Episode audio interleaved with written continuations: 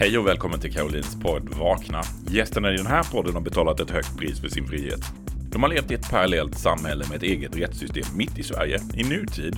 För priset du betalar för att lämna Jehovas vittnen, det är förlusten av alla dina vänner, din familj, släkt och hela ditt sociala nät. I de här intervjuerna delar gästerna sin historia om hur det är att leva inne i en parallellvärld. Om smärtan i att förstå att det man trodde var sant inte alls är det. Och om hur du överlever en social misshandel som kanske skulle kunna ha kostat dig livet. De berättar om vad som väckte dem och hur de har lyckats skaffa sig ett nytt och friskt liv. Du som håller på att vakna kommer att känna igen dig. Du som inte hade en aning om företeelsen kommer att förvånas. Det är dags att vakna med Caroline och gäster. Hej och välkommen till ett nytt avsnitt av Vakna med Caroline och gäster. Idag har jag besök av en väldigt spännande tjej som är ungefär på min ålder. Hon har lämnat Jehovas vittnen lite innan mig men har en väldigt brutal berättelse som hon ska dela med oss. Hon vill vara anonym och därför så kommer jag inte använda några namn. Men du ska vara hjärtligt välkommen. Tack så mycket. Om vi berättar lite mer om vem är du och eh, vad, hur ser ditt liv ut idag? Eh, jag är 46 år, har tre barn, eh, arbetar och eh, lever mitt liv som en fri människa. Hur länge har du varit fri? Eh, jag och min dåvarande man skrev ut oss i eh, november, december 2015. Mm. Så sex år. Mm. Har det varit en, eh, en enkel resa de här sex åren tycker du? Eh, nej, det har det inte varit. Eh, jag var vaken eh, när vi skrev ur oss. det var en fullständigt klar övertygelse att vi skulle lämna. Men det blir ett väldigt vakuum efter. Mm. Eh, alla ens vänner försvinner, familj försvinner, man vet om det men man förstår inte riktigt hur hårt det ska slå. Eh, och när man lämnar och man blir fri så måste man hitta sig själv. Mm. Eh, vem är jag? Mm. Vad tycker jag? Mm. Vad är det jag reagerar på? Varför reagerar jag på det här? Och det har varit en ganska lång resa. Jag förstår det. Så att det, det är inte helt enkelt, nej. Ofta så har jag fått den här tillbakaslag när jag pratat med min familj om svårigheten att eh, hantera en uteslutning. Och de säger ofta, ja men vad hade du förväntat dig? Mm. Och, och det är rent teoretiskt vet man ju vad det innebär men känslomässigt har du aldrig upplevt det innan. Nej, och även om man vet att det kommer bli så jag kan ge ett exempel. När vi visste att de skulle läsa upp att vi skulle bli uteslutna så kunde vi alltså se på sociala medier hur alla våra vänner försvann. Eh, mm. Du vet, det bara sjönk. Mm. Ja, och sen i slutet på kvällen så tittade vi och så sa vi okej, okay, de här finns kvar. Ja, de har inte fått veta det än. Ja, mm. Ett eller två dygn senare så var de borta. Mm. Och det, det, så, det blir så tydligt mm. att nu finns inte jag längre. Nej. Eh, och det, det, visste jag om att det skulle bli så. Men jag hade nog inte varit riktigt beredd på att det skulle ta så hårt. Nej. Eh, sen blir det mycket lättare mm. när man bygger upp sitt liv utanför sen. Mm. Men nej, det har inte varit eh, a walk in the park alla dagar de här sex åren inte. Jag brukar berätta, beskriva det för, för min familj som inte förstår det, som aldrig provat att säga det. Är, jag, jag beskriver det med hur det var för barn att innan jag fick barn då kunde jag ju i teori beskriva hur jag skulle vara som förälder, hur mitt barn skulle vara, hur våra rutiner skulle vara. Men sen att bli förälder är ju någonting helt annat. Mm. Det, det, är liksom, jag kunde inte i min världens fantasi förstå hur underbart det var. Mm. Men, men det är en ny upplevelse man inte har provat och teori är väldigt olik. Ja, och man vet inte hur man ska reagera. Mm. Det är väl det som är eh, sen är ju en fördel med att skriva ur sig är ju att det var, det var ju mitt beslut. Mm. Jag bestämde när jag ville ta det här steget. Mm. Eh, vilket är ju enklare, tror jag, eller mm. tänker jag, än att bli utkastad. Eh, för när man är kanske då ja, mitt i en kris eller, eller någonting annat. Eh, vi var ju inte där då. Nej, och, och det är sant för att eh, att bli utkastad innan man är vaken Mm. blir ju en, en religiös identitetskris också för du tror, du tror ju på Hamageddon och, och, och Jehova och eldstanordningen och allting Mm. men, men du får liksom inte vara en del av det. Nej. Eh, Så det är ju, man kan säga det är ju bra man kan hinna vakna innan Mm. man lämnar. Och sen skrev ju jag ut mig samtidigt som min dåvarande man. Så vi hade ju varandra också då. Ja. Vilket ju också underlättade för vi blev ju inte ensamma på det sättet. Nej, just det. Men eh, om man går lite tillbaka så eh, är det sex år sedan Mm. du skrev ut dig. Men hur gammal var du när du döpte? När döpte du dig? Eh, Jag ville döpa mig när jag var 13 ungefär. Eh, Men jag är uppvuxen i ett så kallat delat hem. Mm. Min mamma är med men inte min pappa. Och eh, den eh, broder som vi hade som presiderande då sa till mig att då får du prata med din pappa först. Och jag tyckte att det ska väl min pappa inte bry sig om i alla fall. Men den, den här äldste brodern sa helt enkelt jag tänker inte godkänna ditt dop om du inte pratar med honom. Det var ju bra. Mm. Så jag pratade med min pappa och han sa nej.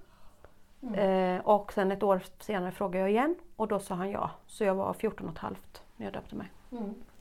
En vuxen kvinna som fattar mycket mogna beslut. Nu, jag hade studerat mycket för det här beslutet. Det var helt, jag var helt hundra på att det här var rätt. Ja. Mm. Jag var väldigt duktig förstår du, när jag var tonåring. ja, precis. Berätta, hur såg ditt liv ut som ett Jehovas vittne? När du var tonåring? Alltså jag har haft eh, rent generellt ett ganska bra liv som Jehovas vittnen. Eh, jag är uppvuxen med, eh, i en liten församling. Min mamma var med, min mamma är en väldigt stark kvinna. Hon döpte sig 75 eh, och varit ensam då med tre barn. Um, haft, eh, vi, var, vi hade inte jättemycket kompisar för vi var en liten församling men det, ja, jag har nog aldrig haft sådär att ska jag eller ska jag inte utan det var ja, ganska tydligt att det här. Vi hade väldigt starka pionjärer, pionjärpar. Eh, PMSU, de gick Gilead som jag hade mycket kontakt med när jag växte upp. Som, eh, ja, som jag såg upp till och jag tyckte att de verkade ha väldigt häftiga liv. Mm. Eh, Så jag kan inte säga att jag hade någon större kris när jag växte upp utan det var, ja det är det här jag ska göra. Mm. Och du hade en genuin gudstro. Ja absolut. Hur, eh, din mamma är vittne. Ja. Är din mormor också vittne? Nej, Så hon är den första? ja. Så man du har, har du många kusiner och så utbritt på det sättet, släkt som är vittnen? Nej det har jag inte, jag har en moster som är, och hennes ena barn också. Men de är ganska mycket äldre så det har inte varit någon påverkan så. De kom med efter min mamma också. Så min mamma var först. Okej. Så vad var det som hände? Hur, du, du var lycklig tonåring som Jehovas vittne och, och vad, hur såg ditt liv ut som, som vittne? Ehm, Jag, eh, jag gick i skolan som alla andra. Eh, När jag väl blev döpt så kunde jag ju vara hjälppionjär och så försökte jag göra det samtidigt som man gick i skolan. Ehm, Vi gick i, vi gick i tjänsten som grupp. Vi var, vi var ett väldigt brett spann ungdomar från typ 13 till 22 och vi gick i tjänsten ihop och de som hade körkort tog sina bilar och så stack vi ut på landet på helgerna och gick i tjänsten och badade och fikade på somrarna. Alltså det var ganska jag hade mycket kompisar. Kompisar här i Skåne som vi åkte och hälsade på. Alltså, ja, nej det var bra. Jag, eh, när jag gick ut nian, det var ju den här brytpunkten då när man var 16, det är 92. Skulle man gå eller skulle man inte gå i gymnasiet? Eh, jag tyckte inte jag skulle gå gymnasiet för jag skulle sluta och börja jobba och bli pionjär, såklart. Eh, Men samma då presiderande som hade sagt nej till att jag skulle få döpa mig sa att det kan du glömma, du ska gå gymnasiet. Jag, bara- jag var så arg, jag var så arg. Och han bara, det kvittar liksom vad du säger. Ja, men jag bara, men jag vill ju bli pionjär. Ja, sa han, jag kommer inte godkänna någon pionjäransökan om du inte går gymnasiet. Wow! Åh, jag var så arg på han. Ja, Men det är jag ju jättetacksam för. Det idag. jag. Mm. Det förstår jag. Eh, Men, eh, så jag gick gymnasiet. Mm. Eh, och sen så flyttade jag hemifrån. Och sen så började jag alltså som hjälppionjär och sen som pionjär. Mm. Så hur många år var du pionjär? Ja, Jag var pionjär ett år. Mm. För samma år som jag blev pionjär började jag sällskapa och jag flyttade från min hemförsamling. Eh, 30 mil, bytte då församling, stad, fick en man och skulle klara av min pionjärtjänst och det gick inte så bra.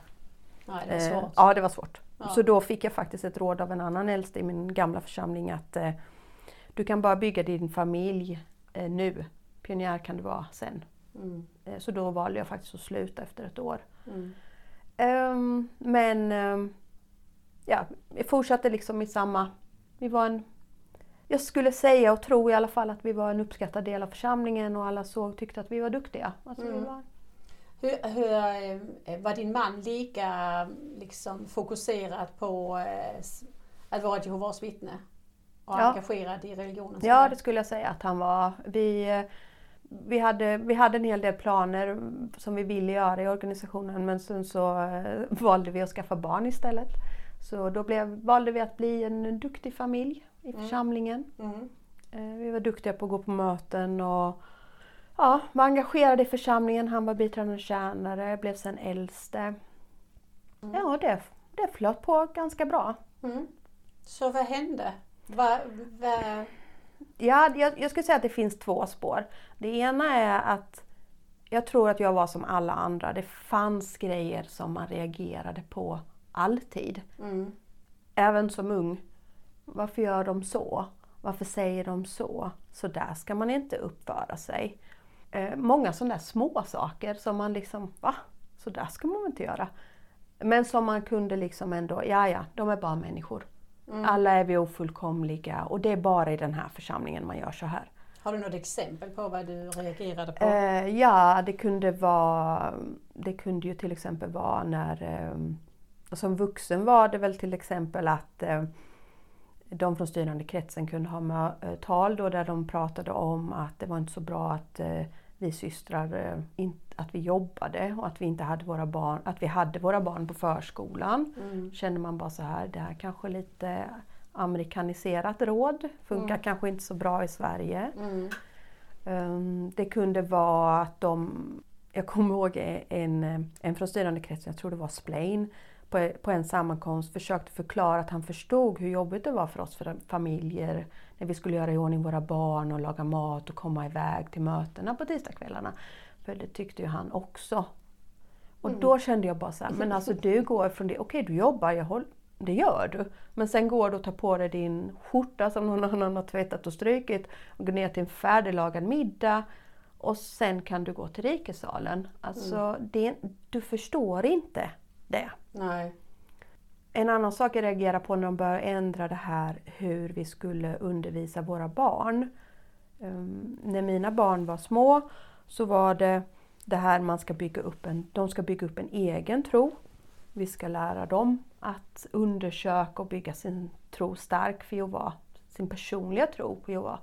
Sen ändrade man det lite till att varför ska du ge dem options? Det här är sanningen. Lär dem det och se till att de blir döpta så de inte dör i Harmageddon. Jag kommer ihåg att jag kände att det rimmar inte riktigt för mig. Jag vill att mina barn ska älska Jehova för att de vill älska Jehova. Mm. Eh, Och jag vet att jag pratade med flera andra systrar och alla hade ungefär samma bild att mm, mm, det här är inte den, så här vill inte jag göra. Nej. Eh, lite sådana, det kom också sånt här att ni behöver, för, förr var det så att man skulle resonera sig fram, resonera med hjälp av skrifterna fram till vad man trodde och sin uppfattning. Nu var det mer så här, du behöver inte det för vi har gjort allt studie åt dig, läs det som står här. Mm. Eh, man förenklade vakna och vakttornet. Det blev nästan lite så här va- vakttornet för dummies lite. Alltså det blev så förenklat. Det fanns, jag har alltid älskat att läsa, älskat att studera. Och helt plötsligt skulle jag inte göra det längre. Jag bara, nej. Men kan, äh, äh, jag tror att en del har reagerat över det i efterhand att om man döpte sig på, eh, på 90-talet eller på 80-talet då, då, då skriver du under en erkläring, det här tror jag på. Mm. Men då håller ju den erkläring även när de ändrar sina dogmer och sina, som nu det här med mer toppstyrt Mm. och mer eh, man går in i familjerna Mm. och, och, och går in och petar på barnuppfostran. Mm. Men då kräver de ju fortfarande att du ska leva upp till ditt kontrakt. Absolut, men alla de här sakerna var ju sånt här som man bara kunde, mm, ja ja. Och så hade man andra systrar och andra familjer man umgicks med som tänkte likadant så gjorde man lite sådär. Mm. Man anpassade lite, man bröt inte mot någonting men man anpassade lite. Ja, just det. Ja. Men så eh, det var några små grejer Mm. som, som eh, du liksom var vaken för. Mm. Men därifrån till att skriva ut så är det ett väldigt stort steg. Det är ett jättestort steg. Eh, och det kommer lite omgångar. Eh, runt 2010, jag, jag vet inte, runt där säger jag. jag vet inte exakt faktiskt. Ehm, så, började, så, så slutade min dåvarande man som äldste. Eh, och började även att eh, missa möten och jag märkte ju på honom att han inte mådde bra och att det var någonting fel. Men det är hans historia, men den påverkade såklart mig också jättemycket. För från att ha varit den här familjen som det är vi och vi ska leva för evigt och hela den biten så började det liksom gunga. Mm. Men hade han börjat och, alltså, kände du att jag själv i tron eller hade ni samtal omkring det? Nej, eller? just då hade vi inga samtal Nej. om det här. Det var någonting som hände? Ja, det kunde man ju inte. Det har vi ju pratat om efteråt, att han hade ju heller inget val. Han visste ju inte hur jag skulle reagera. Nej. Jag hade ju kunnat liksom slänga honom under bussen till de äldste direkt. Mm. Sagt han här. Eh, så det, det, blev ju, det var ju en ganska lång tid när vi inte pratade om det men man märk, jag märkte det ju. Mm. Men då blev jag lite så här, okej, okay, nej nej men det, du gör ju som du vill utan eh, jag har ju min tro. Jag, jag är ju inte överlämnad, vi är ju inte överlämnade till att vara tillsammans utan det är ju mitt överlämnande, det är mm. min tro till att vara. Mm. Eh, så jag var jätteduktig. Jag gick på mötena själv, jag gick på sammankomster själv, jag tog med mig barnen. Uh, ja, jag försökte verkligen och jag ville inte prata med honom om det här för jag kände bara att nej, du ska inte, jag vill inte prata med dig om det här. Uh, och han, han lät mig vara ganska mycket. Han var ganska smart, får jag ändå säga.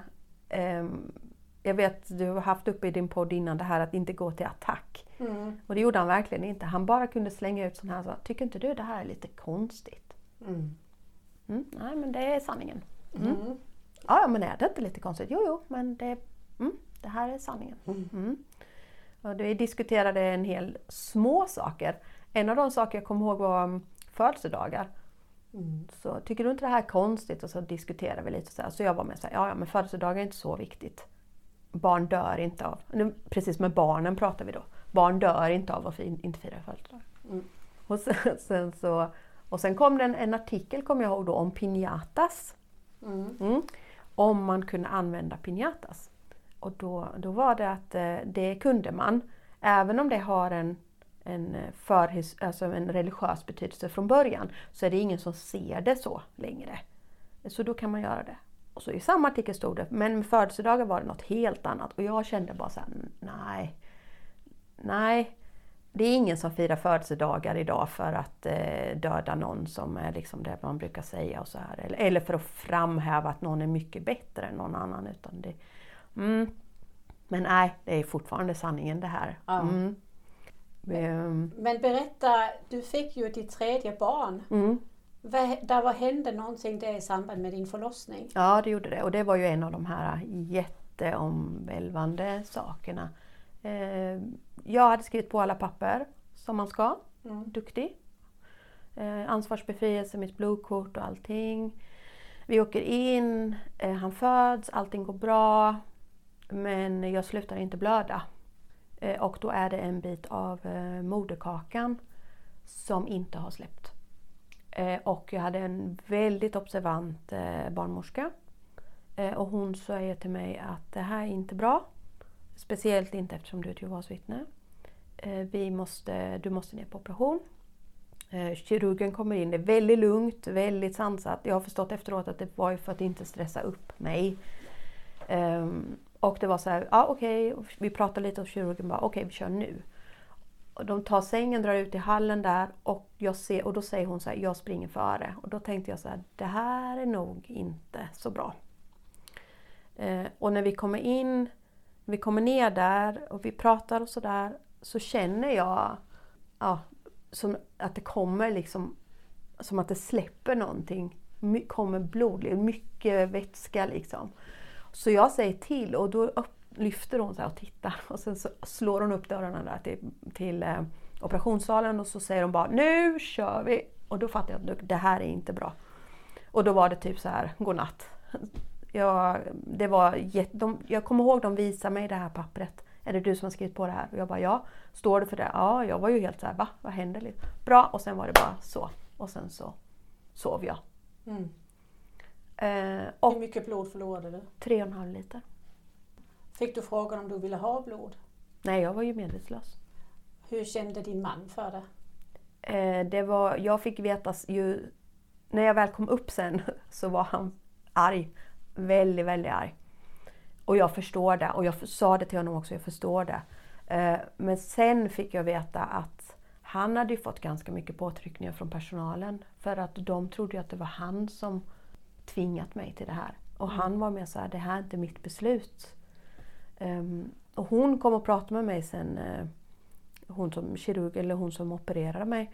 Och hon sa att det vi gör, det vi gör ja, mm, det Jehovas vittnen gör, är att man förkortar tiden de har på sig. För hon sa vi kan absolut upprätthålla med, med eh, saltlösning och allt det här man har. Men man kan inte spä ut blodet hur länge som helst. Till slut är det bara vatten kvar och då kan vi inte göra någonting.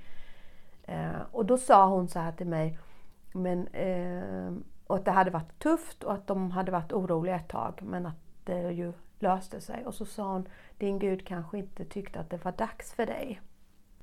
Och då kommer jag ihåg att jag tänkte, mm, nej, så är det inte. För det har jag aldrig trott att, ja men andra som har dött då. Alltså, tycker ju Gud att det är dags för dem att dö då. Alltså så här, det, det klingade liksom. Men just då var jag ju så inne i det där och, och ja, jag hade precis fått en bebis. Och, alltså det var ju massa så.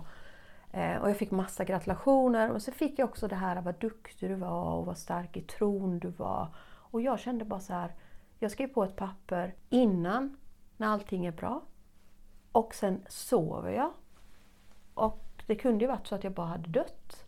Det är inget trosprov. Nej. Alltså det var ju inte så att de väckte mig och sa är du säker på det här nu? Utan jag hade ju bara dött. Jag hade aldrig märkt något. Det är väl inget trosprov. Och sen ett par veckor efteråt så låg jag hemma och, och liksom med min lilla pojk där och vi låg och sov middag och så. Och då, jag kommer ihåg, det kom över mig en sån... Ja du vet man ligger och snusar och håller i händerna. Och, och då, jag kommer ihåg det kom över mig en sån otrolig sorg. Att jag hade kunnat sumpa det. Ja. Att jag kanske hade missat honom. ja. Att, eh, offer. Ett offer ja. Att mina, mina två andra barn skulle blivit liksom mammalösa. Att min man skulle blivit enkeman. För vad då? Och varför kräver jag att vara det? Mm. Alltså det var... Jag tror aldrig jag känt sån sorg faktiskt. Det var hemskt. Det förstår jag. Det förstår jag verkligen. Och man har så starka känslor som, som förälder också att man har ett ansvar att skydda sina Ja. barn och vara där. Man har valt att bli förälder Mm. och då vill man vara där för sina barn. Mm. Och varför krävde jag vad det är liksom? Vad, Mm. vad är syftet med det? Vad finns det för mening med det? Mm. Och då kom ju också frågan, är det värt det? Är det ett offer jag skulle vara beredd att göra igen? Eller tycker jag att det var onödigt? Men det är väldigt stort krav också att ställa på barnen. Ja, ja de hade ju inget att säga till om. Nej, Nej. man bara ger det knät på dem. Ja. När det finns möjlighet för att bli räddad. Ja. ja, och på min dåvarande man också. Ja. Att Ja. Det är ju liksom, det är ju inte bara jag, mig det drabbar, det är ju så många människor. Började du vackla? Var det någonting som satte gungning i dig? Eller kunde du skjuta undan det? Nej, då bestämde jag nog att jag skulle börja, eller jag tror inte att jag tog ett medvetet val att jag skulle börja titta på runt men jag började liksom fundera ganska mycket. Ehm, och det, en av dem, nu är jag inte riktigt säker på om det här hände före eller efter för det här är en sån här grej som jag inte riktigt kan tidsätta men jag hade någon plan ändå att det hade ju varit bra om jag kunde få min dåvarande man att komma tillbaks för det måste ju ändå vara det ultimata. Han var inte utesluten, Nej, han var bara nej overksam. han var bara overksam. Det måste ju ändå vara det ultimata att få tillbaks honom. Liksom. Och så var det något tal, något, att den här boken Närmare Jehova, den skulle vara bra. Så då, då sa jag till honom så här, kan inte du läsa den och så läser jag den också så kan vi prata om det. Kan jag studera med dig? Mm, lite så. Och då säger han så här, ja, absolut. Men jag har en annan bok som jag tänkte, då kan väl kanske du läsa den? Så kan vi diskutera så. Och jag bara, ja. Och då var det samvetskris. Oj, den är ju djupt förbjuden. Den är djupt förbjuden. Och jag visste att han hade den. Mm, men jag hade inte tittat i den. Men så tänkte jag någonstans så här att ja, men om det här är sanningen, vilket det ju är, då måste jag ju klara det. Det kan ju inte finnas någonting i den boken som jag inte kan se igenom. Så jag läste den. Jag tror däremot inte att han läste närmare Joa, men det är jag ganska säker på att han inte gjorde. Men jag läste faktiskt Samhällskris. Och vi pratade ganska mycket om det och det är väldigt mycket i den boken som är väldigt konstigt. Um, som jag på något sätt kände att det här är nog inte omöjligt att det gick till så här. Men jag var inte där än, men det, det var ju en av de där grejerna som skakade lite. Mm. En annan sak som vi hade diskuterat ganska mycket var 607, år 607 och Jerusalems förstöring. Är det 607 eller är det 586? Och jag visste att det i stort sett bara är Jehovas vittnen som säger 607. Det visste jag. Men ja, så är det ju bara. Så, de andra har inte så bra koll. Historikerna och de andra arkeologerna och de. Utan, mm, så här är det. Och då samma sommar där 2012 efter då det här hade hänt med förlossningen där, då kom det en artikel som behandlade det här. Och hur man kunde vara säker på att det var 607. Så tänkte jag Yes! Nu!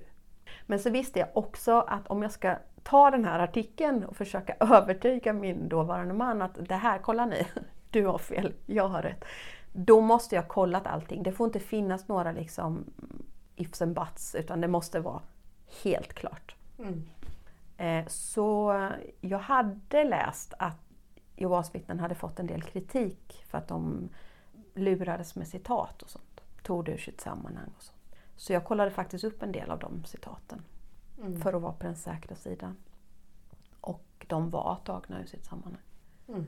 Och där de hade skrev att den här forskaren visar att. Så när man väl tittar på det sen så var det precis tvärtom. Jag tror till och med någon av de här forskarna hade uttalat sig att det har använts fel av Jehovas vittnen. Och då föll liksom ännu mer ju. Ja. Eh, och då kände jag så här att för mig var det verkligen så här, okej, okay, för en del är ju så här, ja ja men det är bara ett årtal, det har ingen betydelse. Men för mig var det inte så. Det var verkligen, faller 607, då faller 1914 och då faller allting. Mm. Och då fanns det inte mycket kvar. Eh, sen var jag inte klar då. Nej, för hur gör du då egentligen? Ni var Jehovas vittnen båda två, mm. ni hade tre barn. Mm. Liksom hur, om, om, om, att vara ett Jehovas vittne är mycket rutin. Man mm. tackar för maten, man går mm. på möten, man går i tjänsten. Mm. Hur, hur kunde du fortsätta? Mm, jag fortsatte att gå på möten. Eh, den, den sommaren var det internationell sammankomst i Göteborg. Jag åkte själv med mina stora barn. Första sammankomsten, jag har alltid tyckt om sammankomster, alltid. Det var första sammankomsten jag kände att jag var...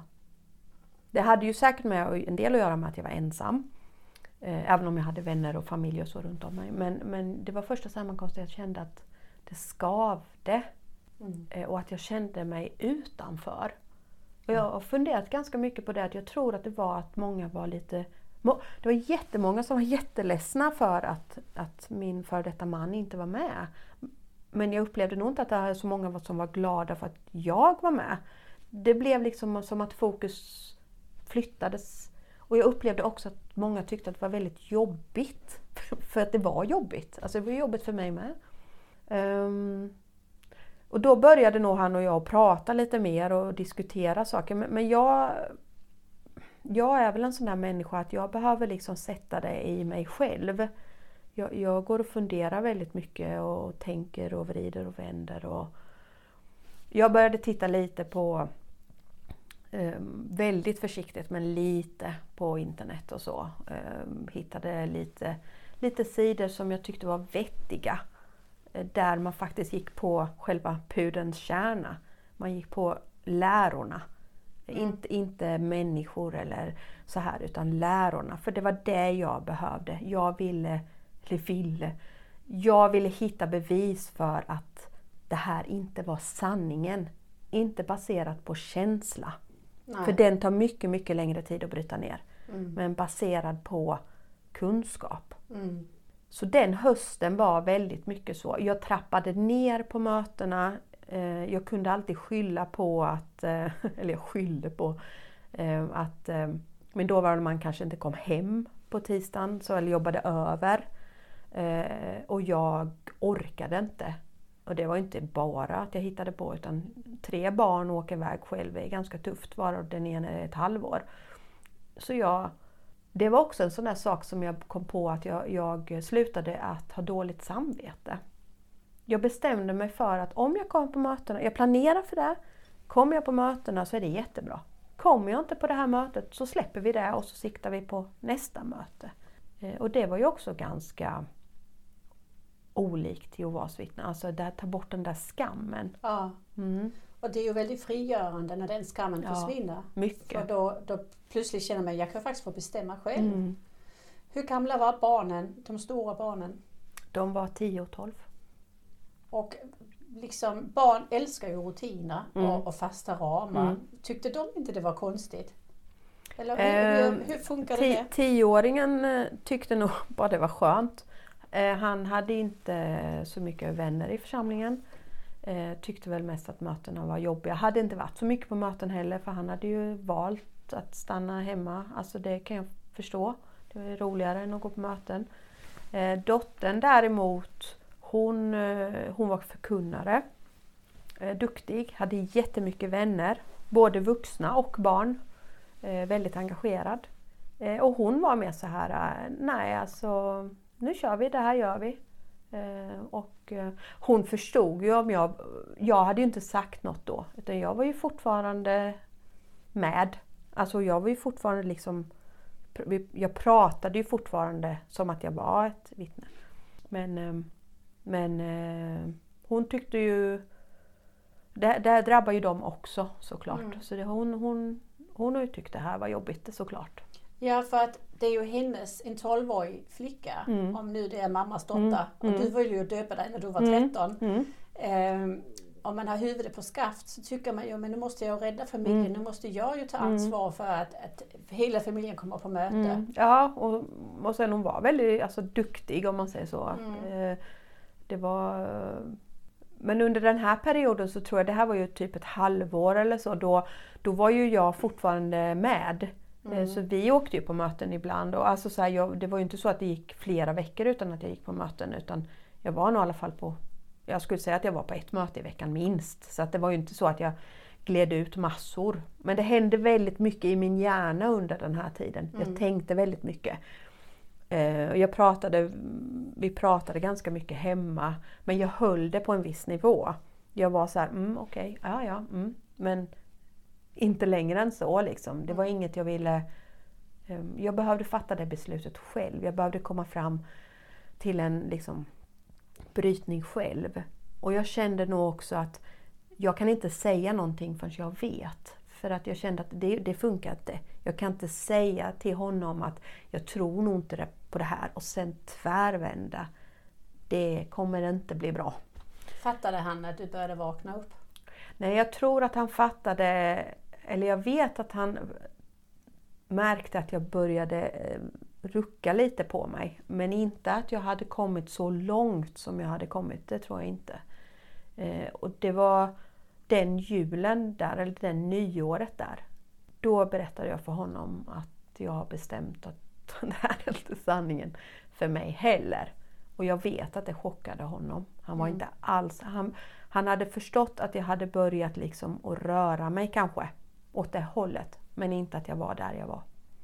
Hur, hur hanterade församlingen det? För att man kan ju tänka sig en församling ser en, en, en före detta väldigt aktiv familj mm. plötsligt så går det i spillror och en av flickorna är, mm. är ute förkunnare. Började de engagera sig i eh, din dotters liv?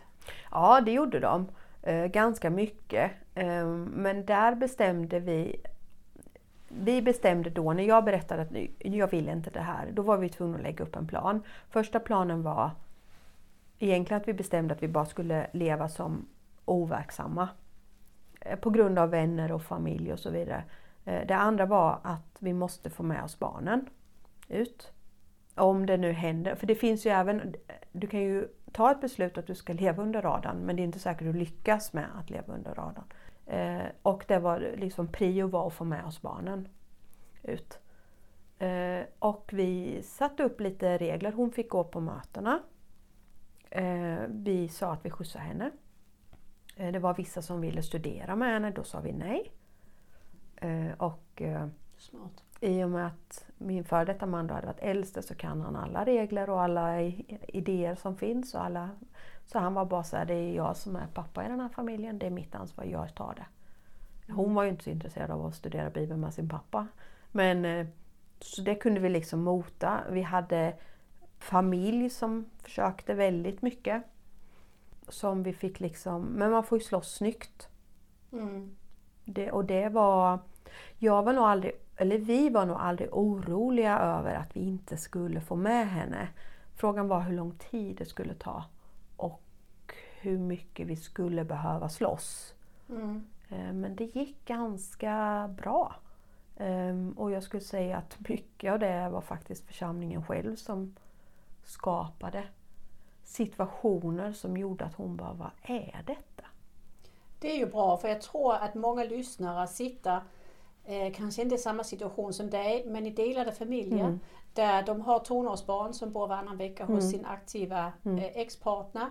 Och den här oro för kommer, kommer de att svälja in barnet eh, är väldigt stark. Mm.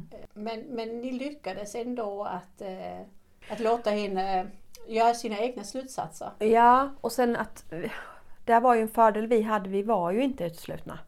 De, de kunde ju inte använda det kortet på något sätt. Nej. Och det var, vi var ju tillsammans i det. Mm. Eh, men att eh, vi försökte trycka på de saker där, hon, där vi visste hon hade issues med sanningen.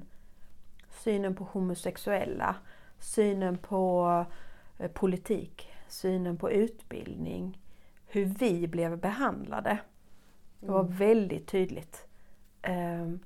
Rykten och lögner som var i församlingen som våran dotter fick ta. Som hon bara, vad är det här? Mm. Av människor som vi inte kände. Mm. Som helt galna grejer. Mm. Som man bara, va?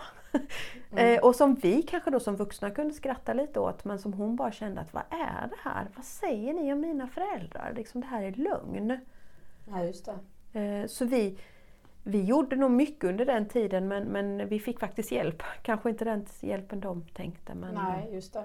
Så att, eh, och vi hade nog någon plan att vi ändå skulle leva så ett tag. eh, Ja. Faktiskt. Men hur, hur länge kunde ni, orkade ni göra det? Ehm, För ja, ni kunde ju inte vara öppna med ett liv. nej, det kunde vi inte vara. Nu levde vi ju ganska bra liv. Vi syndade inte för mycket. Vi firade lite födelsedagar och lite jul och lite sådär. Men det, det var, kunde vi ändå leva lite så. Och barnen visste att det här pratar vi inte om. Alltså så. Eh, men 2015 så är det egentligen två stora saker som händer.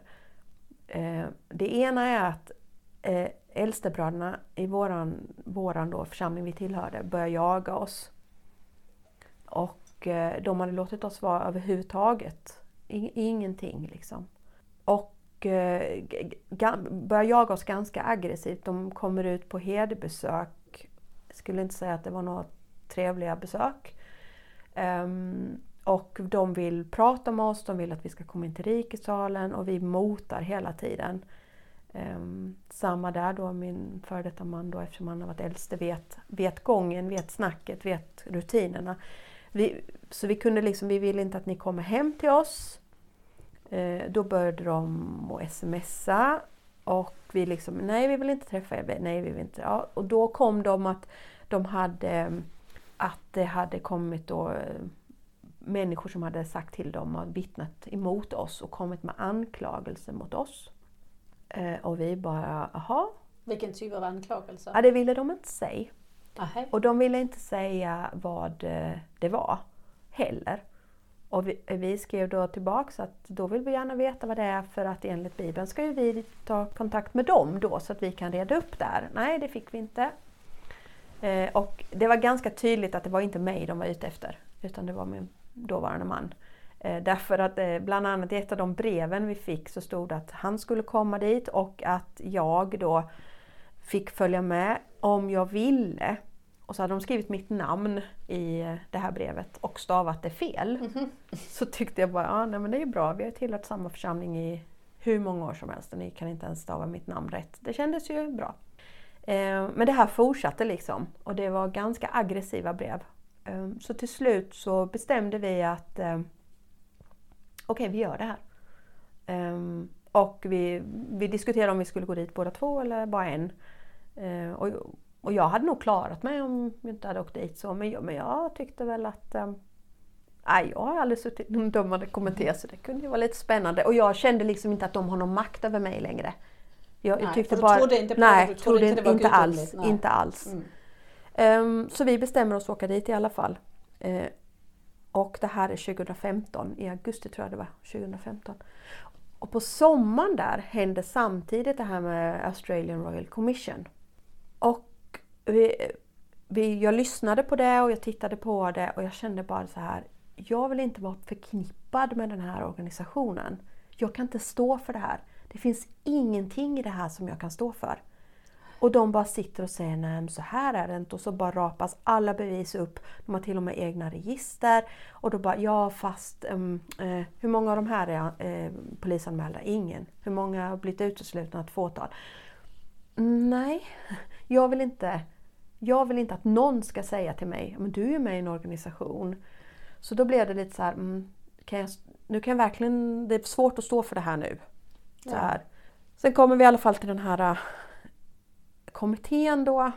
Och det är bara, ja det är rena farsen. De har ingenting. Nej. Eh, och de här som då an framfört anklagelse mot oss handlar inte alls om det. Eh, utan de hade varit oroliga för oss och så har det vänts mot dem. Att de då har anklagat då, eh, oss då för att framföra avfälliga tankar och så. Men vi kunde sno oss ur det. Så när vi väl gick ut så hade de inget. Och jag kommer ihåg när jag gick ut att jag kände mig så fri. Att de har verkligen, det var verkligen den sista, liksom, att de har verkligen ingen makt över mig längre. Jag bryr mig verkligen inte. Du är fri. Jag är fri. Jag behöver inte vara rädd för dem. De, de, de betyder ingenting längre. De har ingen makt längre. Och efter det så diskuterade vi fram och tillbaka hur vi skulle göra.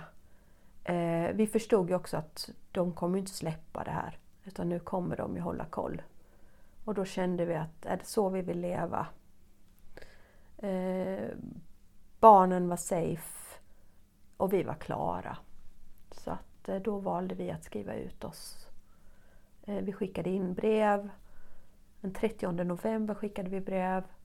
Sen hade vi satt ihop mail till närmaste familjer. Ja, vi pratade med närmsta närmsta familjen. Vi skickade brev till, och mail till flera. Eh, jag skickade brev till flera av mina närmsta vänner och berättade att det här kommer hända. Jag gav själen och jag skrev att jag kommer alltid älska er och ni kommer alltid vara välkomna till mig. Men så här blir det. Eh, och en vecka senare så pålystes det. Hade ni redan blivit uteslutna ur vänkretsen? Ja. Eh, ja.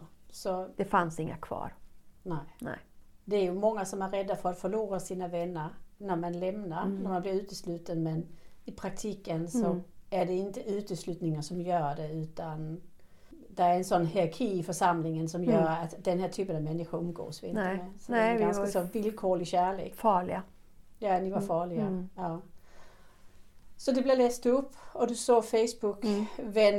Mm. bara Ja, raderas. det var borta. Och var, var, var du tillräckligt förberedd för det liv som skulle komma? Nej, det var jag nog inte. Jag tror faktiskt inte man kan förbereda sig helt för det. Ehm, jag trodde nog att jag var längre i min person, vem jag var. Eh, men jag tror också att vi hamnade i ett väldigt vakuum. Eh, vi hade levt i det här så länge. Eh, och kämpat så länge. Så att när, vi väl, när det väl var klart så upplevde jag att det bara blev luften bara liksom gick ut och så tänkte man att äntligen. Men sen var det inte så. Eh, Utan då skulle man börja kämpa med sig själv och eh, hitta varandra och ny konstellation i familjen. Och vad, ja, vad vill man och, och så vidare. Så att, eh, nej, det var tufft. Hur gjorde ni för att, eh, att klara det? Ehm, Ja, så, vi, vi klarade ju inte det. Eh, vi valde att separera två år senare för att vi kom fram till att det var det bästa för oss. Vilket inte alls var det jag hade tänkt när vi lämnade. Um, när man har klarat hela den resan så tänker man att nu, nu klarar vi allt. Mm. Uh, men det gjorde vi inte och jag tror så här många år senare att uh, för mig, så som jag ser det, han kanske ser det annorlunda men så som jag ser det, så började vi ju då växa som människor och tillät oss själva att växa som människor. Och jag tror att vi hade tillräckligt med att växa själva för att orka med att växa tillsammans. Jag tror också att eh, jag kan säga för mig själv att nu på andra sidan, mm. när jag inte är ett Jehovas vittne mer, då är jag en helt annan person mm. än jag var som vittne. Ja, visst. Så hade jag varit ihop med min dåvarande man, då hade vi kanske ändå delat mm. på oss för att det tillåter en sån personlig mm. utveckling. Mm. Att plötsligt få läsa vad man vill, tänka mm. vad man vill, göra vad man vill. Mm. Det finns ju så många möjligheter plötsligt mm. som inte har varit presenterade innan. Nej, absolut. Och vem är man att sätta begränsning på den andra nej, parten? Nej, det också. Utan det är ju... Um, så att det, och det där är ju en, um, den resa man gör hela tiden ju. Mm. Uh, och det är väl en av de saker som är häftiga på den här sidan. Mm. Att det tar aldrig slut. Mm. Du behöver aldrig det, det, säger man ju bland Jehovas vittnen också, att man blir aldrig själv, eller man blir aldrig klar med mm. sanningen och så. Mm. Men, men, men här på den här sidan så behöver du verkligen aldrig bli klar. Nej. Och du kan gå åt vilket håll du vill. Vad är det bästa med att vara på andra sidan? Att få vara jag. Ja. Mm. Och att få vara lugn. Alltså att landa i sig själv och vem jag är vad tycker jag? Och jag får det. Jag får tycka höger eller vänster i politik. Jag får tycka vad jag vill om vad som helst. Tyckte du det var svårt på andra sidan att plötsligt tycka själv? Ja. Det, eller jag tyckte inte det var svårt att tycka själv, men det var svårt att veta var tyckandet kom ifrån. Mm. Därför att är man uppvuxen i det som, som vi är, så har du det i ryggraden. Det mm. sitter, du reagerar direkt. Mm. Som, ja, jag tycker så här. Så jag var tvungen att lära mig att vara tyst. Att andas och tänka. Vem är det som reagerar? Mm. Är det jag? Eller är det give jag ja. i ryggen? Nu ska jag inte säga att vad jag tycker nu ligger jättelångt ifrån vad jag tyckte då. Nej. Men det var ändå nyttigt det där att vänta nu, tycker jag så här? Eller tycker jag så här för att jag ska tycka så här? Det som är intressant tycker jag också är att, att många tror att ja, men om, om du är med i en sekt och du tillåter dig att bli så styrd, mm. då är du en, en svag kvinna eller en svag mm. människa. Men jag känner dig just när du mm. var ett mm. vittne, du var minsann då ingen svag kvinna. Eh, du var väldigt välformulerad, väldigt påläst, eh, formulerade dina egna eh, tankar när du svarade och så mm. vidare. Mm. Så, så hur, hur kan, och, jag hade också liksom rykte för att mm. vara det.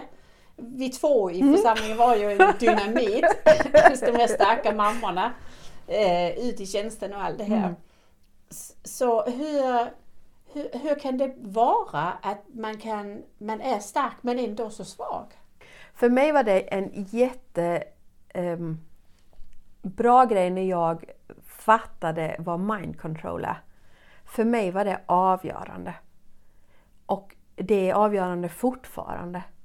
För jag kan nu som utanför, och det har gått ett par år, ibland kan jag liksom tänka så här hur kunde jag göra så? Eller hur kunde jag gå med på det? Eller varför gjorde jag överhuvudtaget så? Ja, som det här med blodet. Hur kunde jag skriva på ett sånt papper? Mm. Men om man läser på om mind control och bite, om man läser Steven Hassan eller vad som som förklarar kult och sektbeteende, inte bara religiöst utan överhuvudtaget.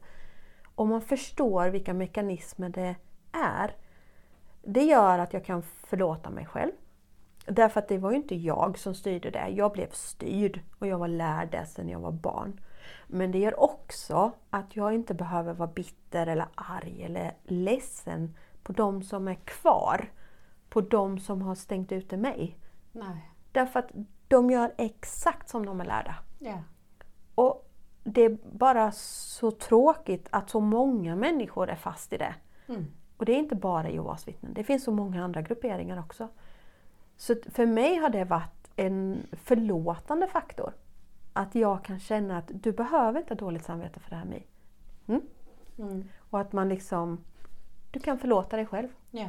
Och det är också att man tänker efter att jag hade, när det gäller uteslutningsanordningen, då var jag lika hård på den andra sidan innan jag fattade vad det var för någonting. Ja. Jag uteslöt eh, nära vänner ur mitt liv, Mhm. eh, precis som de har gjort mot mig. Jag uteslöt min syster. Du uteslöt din syster, ja In, inte så hårt, Mm. men eh, inte ända ut om man säger så. Men hon var långt ute. Mm. Mm. Och, eh, och det kan vara väldigt förlåtande. För man kan bli väldigt arg när man själv blir utesluten men när man ser att jag har gjort exakt samma. Mm. eh, Då kan man få en, en acceptans omkring Mm. det. Mm.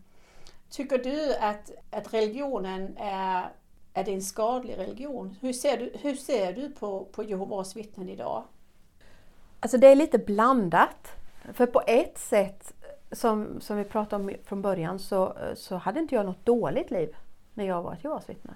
Jag, men, men så här utanför kan jag ju se att den har hindrat mig på så många sätt. Den hindrade mig från att ha ett, eh, en utbildning, även om jag utbildade mig sen som vuxen. Eh, men det finns massa sådana saker. Jag ser på mina barn nu, de är ute och festar och de har kompisar. Och, och ibland kan jag känna så här, men det, varför fick inte jag det? Ehm, men, men det är ju inte alla i, utanför som gör det heller. Men, men på det sättet är det ju därför att det hindrar människor. Och så som jag upplever Jehovas vittnen idag, ehm, jag håller lite koll på vad som händer, så har den blivit mycket, mycket mer dogmatisk. Mycket mer kontrollerande eh, och mycket mera verklighetsfrånvänd. Och det är många Jehovas vittnen som reagerar på det. Mm. Att det är så amerikaniserat och så styrt från toppen. Och du kunde ju faktiskt ha förlorat ditt liv. Ja, det kunde jag Och gjort. det är ju skadligt. Ja, det får man verkligen säga. Ehm. Så på det sättet är det ju absolut. Och, och Du kunde har, frivilligt ha förlorat ditt liv. Mm. Eh, Det är ju enormt mindkontroll och ja, skadligt. visst är det det. Men tycker du att Jehovas vittnen har rätt när de får bidrag från staten? Nej, jag tycker ingen religion ska ha bidrag från staten därför att jag tycker att har man Guds, Guds välsignelse så kan man betala sina egna räkningar. Och jag tycker inte att, eh, speciellt kanske inte i Sverige, för svenska myndigheter har ingen koll på religiösa grupperingar. Man förstår inte hur hårt kontrollerade vissa grupper är. Eh, Och då ska man inte ha, och jag menar när det kommer till det här, vi får, Jehovas vittnen får inte rösta. Blodfrågan, barnen, eh, alltså det finns så många saker som är odemokratiska. Kvinnor får inte vara, ha ledande befattningar. Alltså, det finns inte någon demokratisk grund i, det är ju en teokrati, det är så man säger själv, att det styrs av Gud. Så nej, Jehovas vittnen ska definitivt inte ha några bidrag. Men jag tycker inga religiösa grupper ska ha det. Tycker du att eh, Jehovas vittnen lever upp till barnkonventionen? Nej, det gör de inte. Men eh, jag tycker samtidigt, jag är, jag tycker samtidigt inte att man ska sätta förbud. Därför att jag är övertygad om att man skulle ta sig runt dem.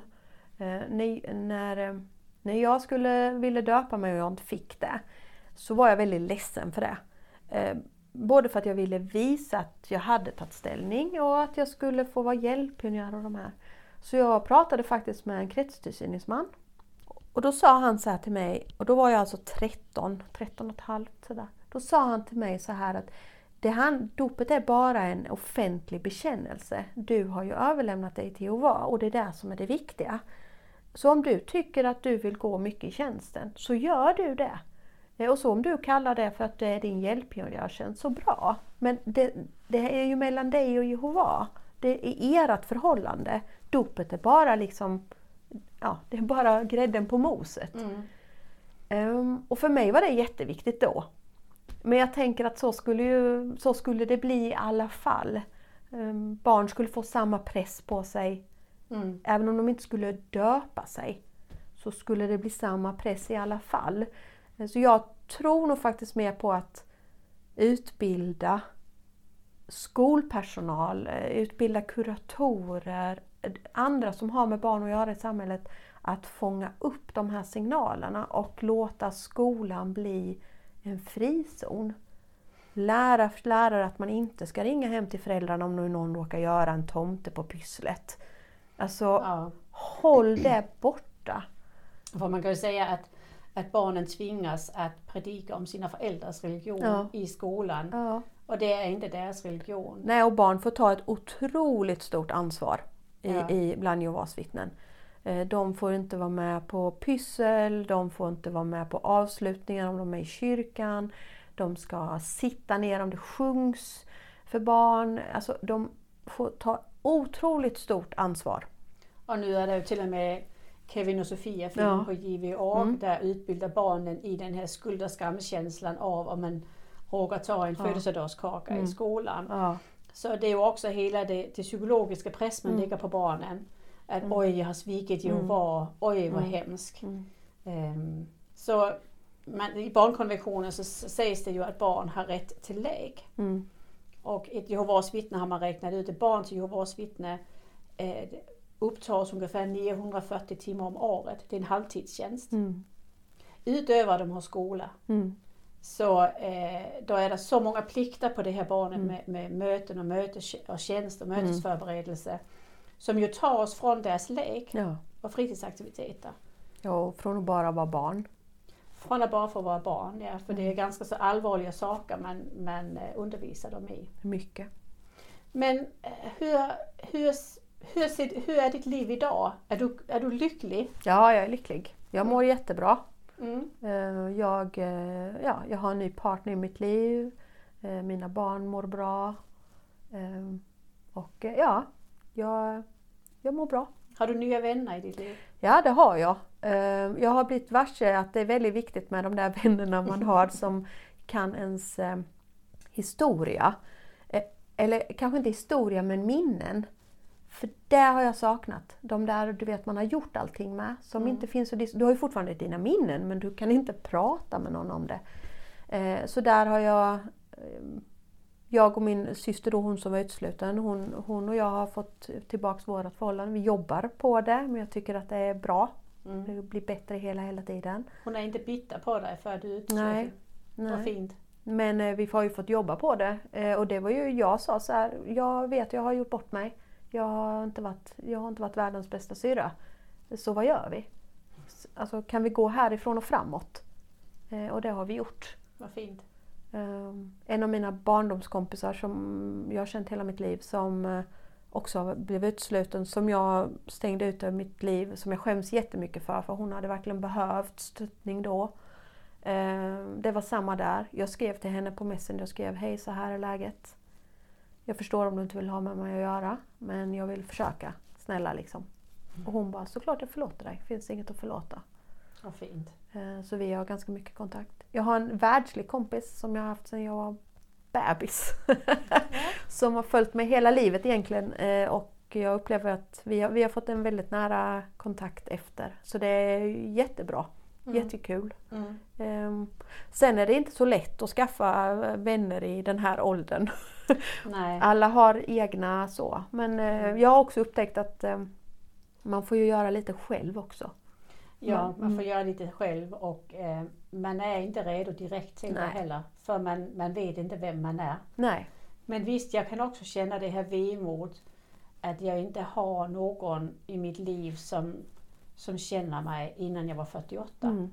Nej. Att, att jag, eh, de, de, har, de vet liksom inte, har ingen aning om vem jag är eller vad jag har gjort och så vidare. Eller varför man är som man är. Nej, Mm. varför man är som man är. Så, Men samtidigt så har jag också landat i att jag har ju hellre ett fåtal vänner som, som älskar mig för vem jag är. mm, än miljoner människor som älskar mig för vad jag gör. Eh, och eh, det, det är såklart att nära vänner, och man har haft många nära vänner bland Jehovas vittnen också, för nära vänner är ju, det, det är ju inte mängd utan det är ju, det är ju kvalitet. Mm. Mm. Mm. Eh, Men det är inte alltid så lätt. Nej, så är det ju. Men, eh, men som sagt, det är... Du ångrar inte att du skrev ut dig? Nej, Och du har aldrig tänkt på att bli återupptagen? nej. Nej. Eftersom min tro var helt borta. Mm. Det fanns inte. Hur, har du någonting du vill säga till de vakna Jehovas vittnen som sitter och lyssnar? Eller de Jehovas vittnen, för det är många Jehovas vittnen har jag upptäckt som lyssnar på den här Mm. podd. Som, eh, vad ska de göra? Hur gör man om du sitter där och det är någonting som knagar i dig? Ja, jag tror att eh, det jag skulle vilja säga, och det kanske är någon där ute som lyssnar som känner igen min historia och förstår vem jag är. Eh, och då skulle jag bara vilja säga till dem att eh, jag älskar fortfarande dem. Och det finns jättemånga här ute på utsidan som älskar dem och saknar dem.